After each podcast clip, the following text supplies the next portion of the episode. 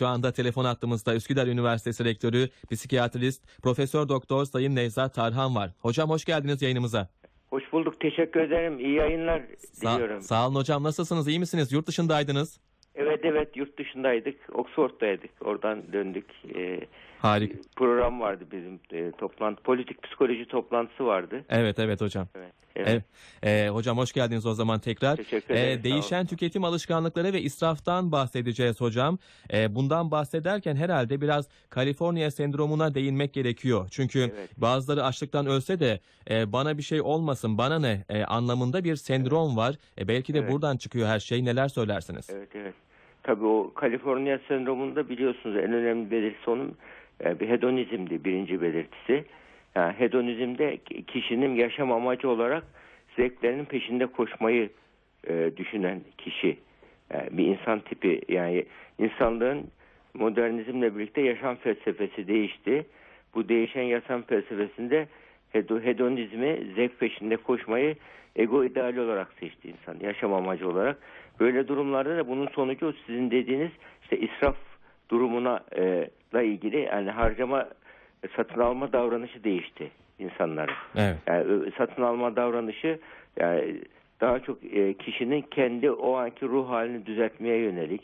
Yani e, insan satın alma davranışında iki parametre var düşündüğümüz. Biri e, bu, bu be, canım bunu almak istiyor diyor. Bu ikincisi istek. İstek ve ihtiyaç dengesini e, kişinin denge e, öğrenmesi gerekiyor.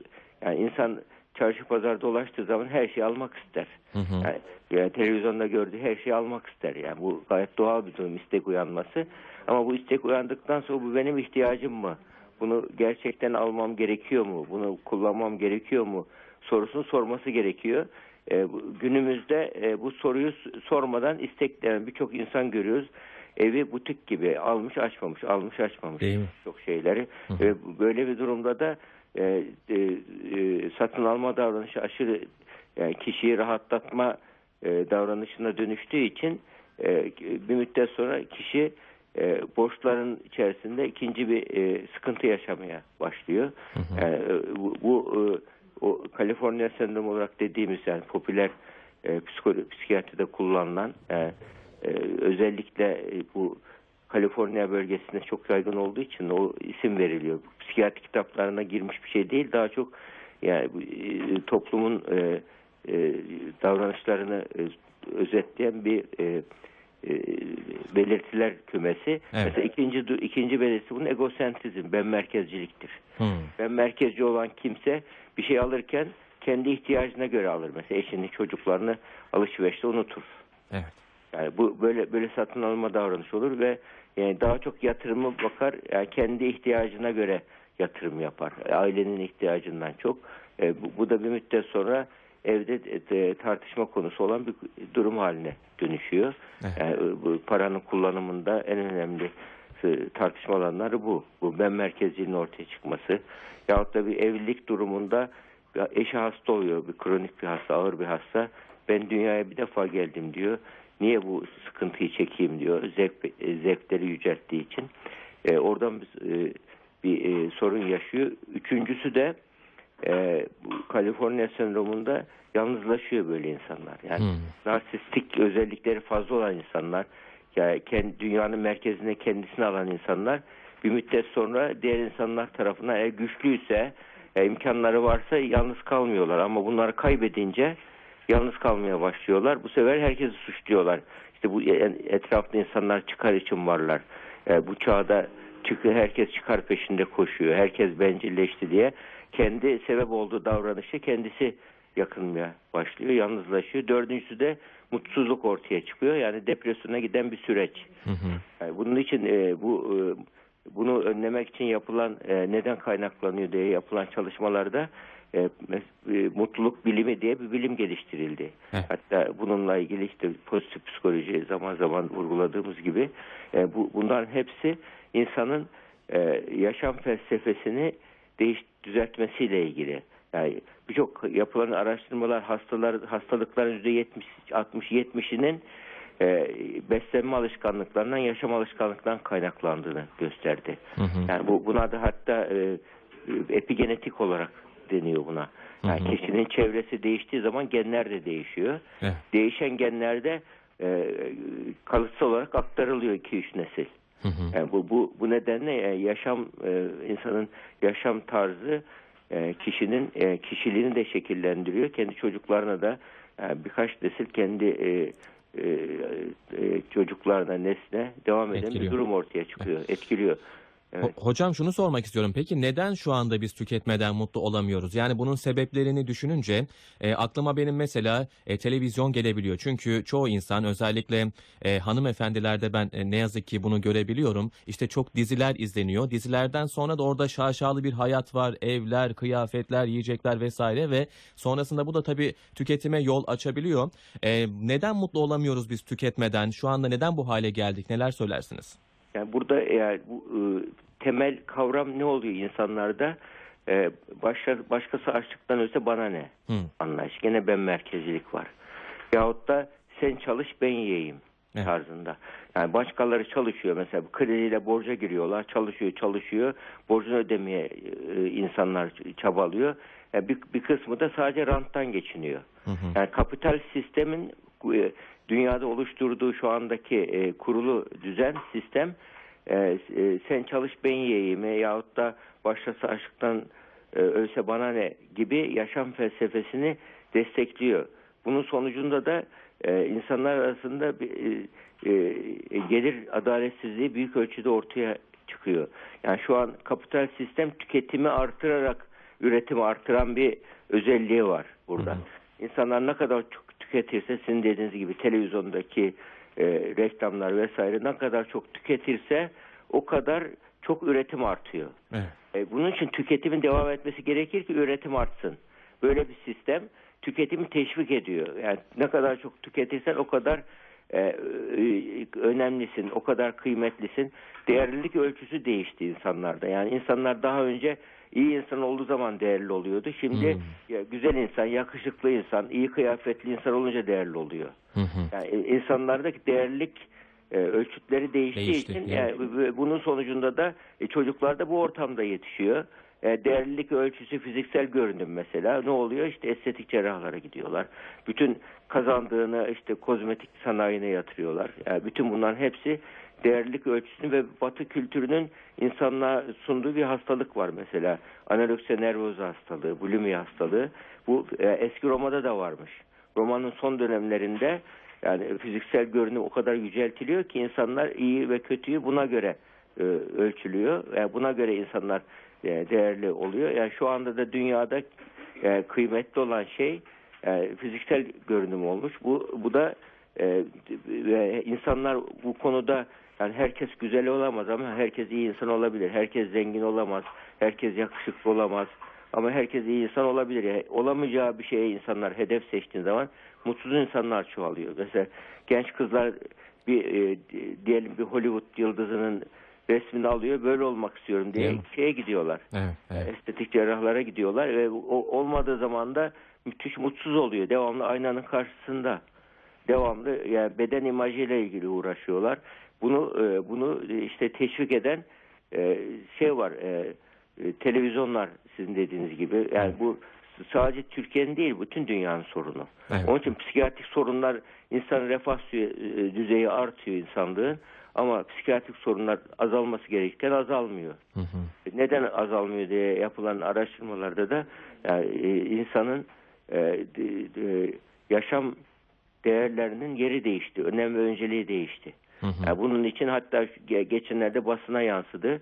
USLA'ya, Kaliforniya e, Üniversitesi Los Angeles'ta e, e, 20 milyon dolar e, birisi bağışlamış iyilik hareketi yapın diye. Evet, İyilik enstitüsü kurun diye. evet. İyilik enstitüsü kurmak istiyor. Bu neden Kaliforniya'da? İşte bak ne dedik? Yani ama e, bu hastalığı Batı önce hasta ediyor, Hı hı. sonra da tedavi ediyor. Antidepresanlar önce insanlar depresyona sokuyor, ondan sonra antidepresan çıkarıyor. Bunun gibi şimdi iyilik hareketi yapmaya çalışıyor ama iyi ki de yapıyor. Hı hı. Şu anda mesela rastgele iyilik projeleri var şeyde, liselerde, e, Kaliforniya'da özellikle. Hı hı. Çocukları 6 hafta, 8 hafta e, bu projelere gönderiyorlar. Böyle karşılıksız community servis olarak tanımlıyorlar. e, götürüyorlar ve orada çocuk 6 hafta 8 hafta işte yaşlılara hizmet ediyor. Sokakları temizliyor. Yani böyle bazı e, sosyal sorumluluk çalışmaları yapıyor. Bunu raporluyor. Raporladıktan sonra da e, buna puan not veriyorlar çocuklara. Kredi veriliyor. Yani bu şekilde bunu teşvik etmeye çalışılıyor. Yani bunun e, biz de bunu yani kendi çocuklarımıza böyle e, rastgele iyilik projeleri, sosyal sorumluluk projeleri yaparak ona yani e, kendisinden e, toplumda ötekileştirilmiş yani e, kendi yaşadığı dünyanın dışında başka bir dünyada var. Başka kurbanlar var, mağdurlar, mağdurlar var. Yani ötekileştirilmiş insanlar var, karnını doyuramayan insanlar var. Bunları görmesini sağlamak gerekiyor. Yoksa konformist bir nesil e, yetişiyor, yetişecek. Evet, Yani evet. bunun için burada mesela tüketim yani çocuğa e, e, anne baba e, sev, mutlu etmek için çocuğa her dediğini yapıyor, her dediğini alıyor. Yani annenin babanın görevi çocuğun her dediğini yapmak değil ki onu hayata hazırlamak. Kesinlikle hocam. Bunu, bunun için ona çocuğa yani bir e, e, emek vermeden, bedel ödemeden bir e, e, hemen ödüllendirmemek gerekiyor. Evet. Yani muhakkak yani beyninde bir e, zihinsel bir çaba gerekiyor. O çabadan sonra bir şey elde edebilmeli. Kolay elde ettiğiniz zaman, büyüdüğü zaman istekler de büyüyor. Evet. Daha önce oyuncak araba isterken ergenlikten sonra küçük bir araba istemeye başlıyor. Ondan sonra büyük bir araba istiyor. Evet. Ee, bu böyle durumda anne baba bu çocuk doymuyor diye isyan etmeye başlıyor.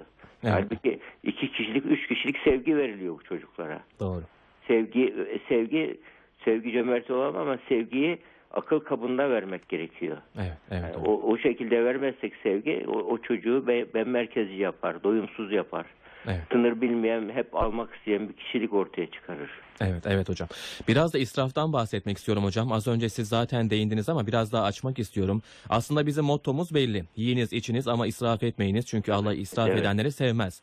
Ayet-i kerimede e, sabit. E, bunu nasıl ele almak lazım? İsraftan kaçınmak için neler yapmak lazım? Nasıl bu, bu, bu kadar israf toplumu olduk? Bu konuda neler söylersiniz hocam?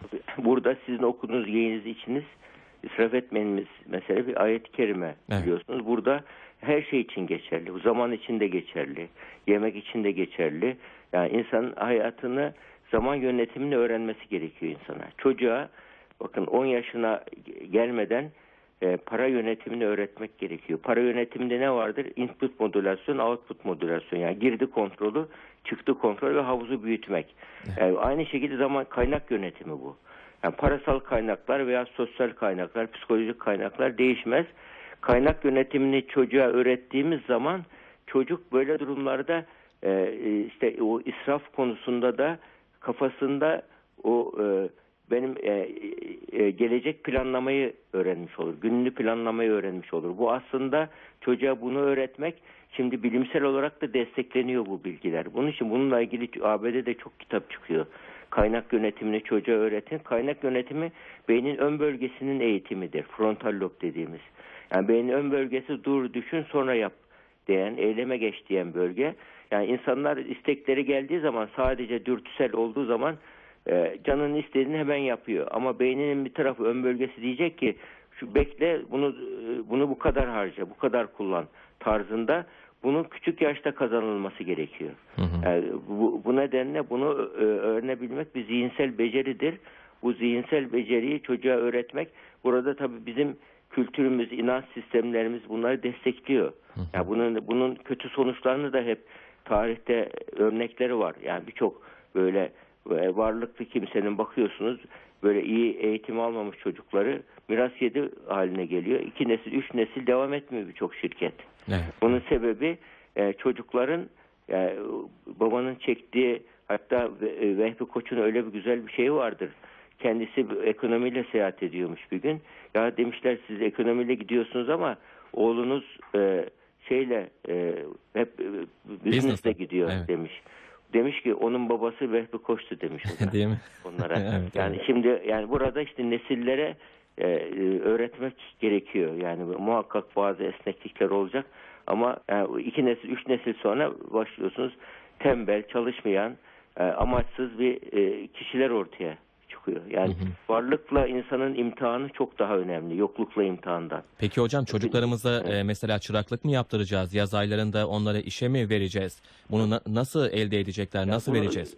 yazayına bırakmamak gerekiyor. Hı hı. Bu bir şeydir. e, davranışlar modellemeyle öğreniliyor. Evet. Anne baba nasıl yaparsa çocuk da öyle yapıyor.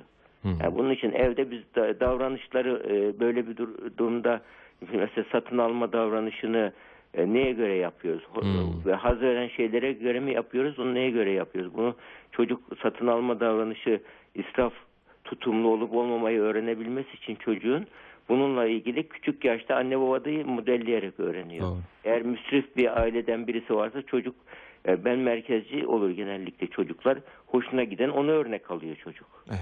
Yani bu- nedenle bunu e, çocuğa kaynak yönetimini öğretirsek küçük yaşta hı. çocuk e, neyi nerede harcayacağı ile ilgili e, zihinsel bir strateji geliştiriyor.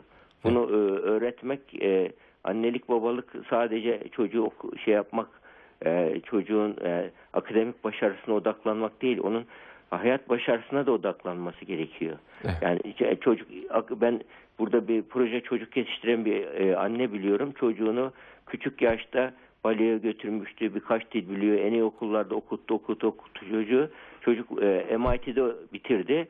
Ondan sonra yaptığı ilk iş hemen Boston'da bir pizza dükkanı açmak oldu. Hmm. Yani çocuk e, o derece proje çocuk gibi yetiştirilmiş ki yani çocuk özgür, özgür olamamış. Evet. Yani bunun için bunun dengesini kurabilmek tamamen annelik babalık pratiğiyle ilgili. Evet. Yani bu e, onca anne ve baba e, e, çocukların davranış gelişiminde çok şey e, kritik kişiler yani onun için e, daha önce geniş aileler vardı, kültürel aktarımlar vardı, öğreniliyordu ama şimdi e, bunun öğrenilmesi eğitim sistemimizde de e, buna davranış geliştirmeyi ciddiye alması gerekiyor eğitim sistemi. Sadece akademik başarı, sadece bilgi yükleme değil eğitim sistemi. Eğitim sistemi insanlara bir yaşam felsefesi kazandırmalı. Hı hı. Yani bunun için yani eğitim doktrini önemli burada. Hatta mesela Nurettin Topçu'nun bir şey var. Marif Davamız diye güzel bir kitabı var. Evet. Bu- Bunu Tavsiye yani her hocam. eğitimcinin her eğitimcinin okuması gereken bir kitap. Evet, evet yani hocam. eğitim felsefesi nasıl oluştururuz diye. Hı hı. Evet. Evet hocam çok teşekkürler sağ olun Rica hocam. ederim, Ağzınıza ederim. sağlık. Tekrar hoş Yani ettiniz bizi. yayınlar, rica ederim. Teşekkürler hocam. Kolay gelsin. Hayırlı olun, cumalar. olun.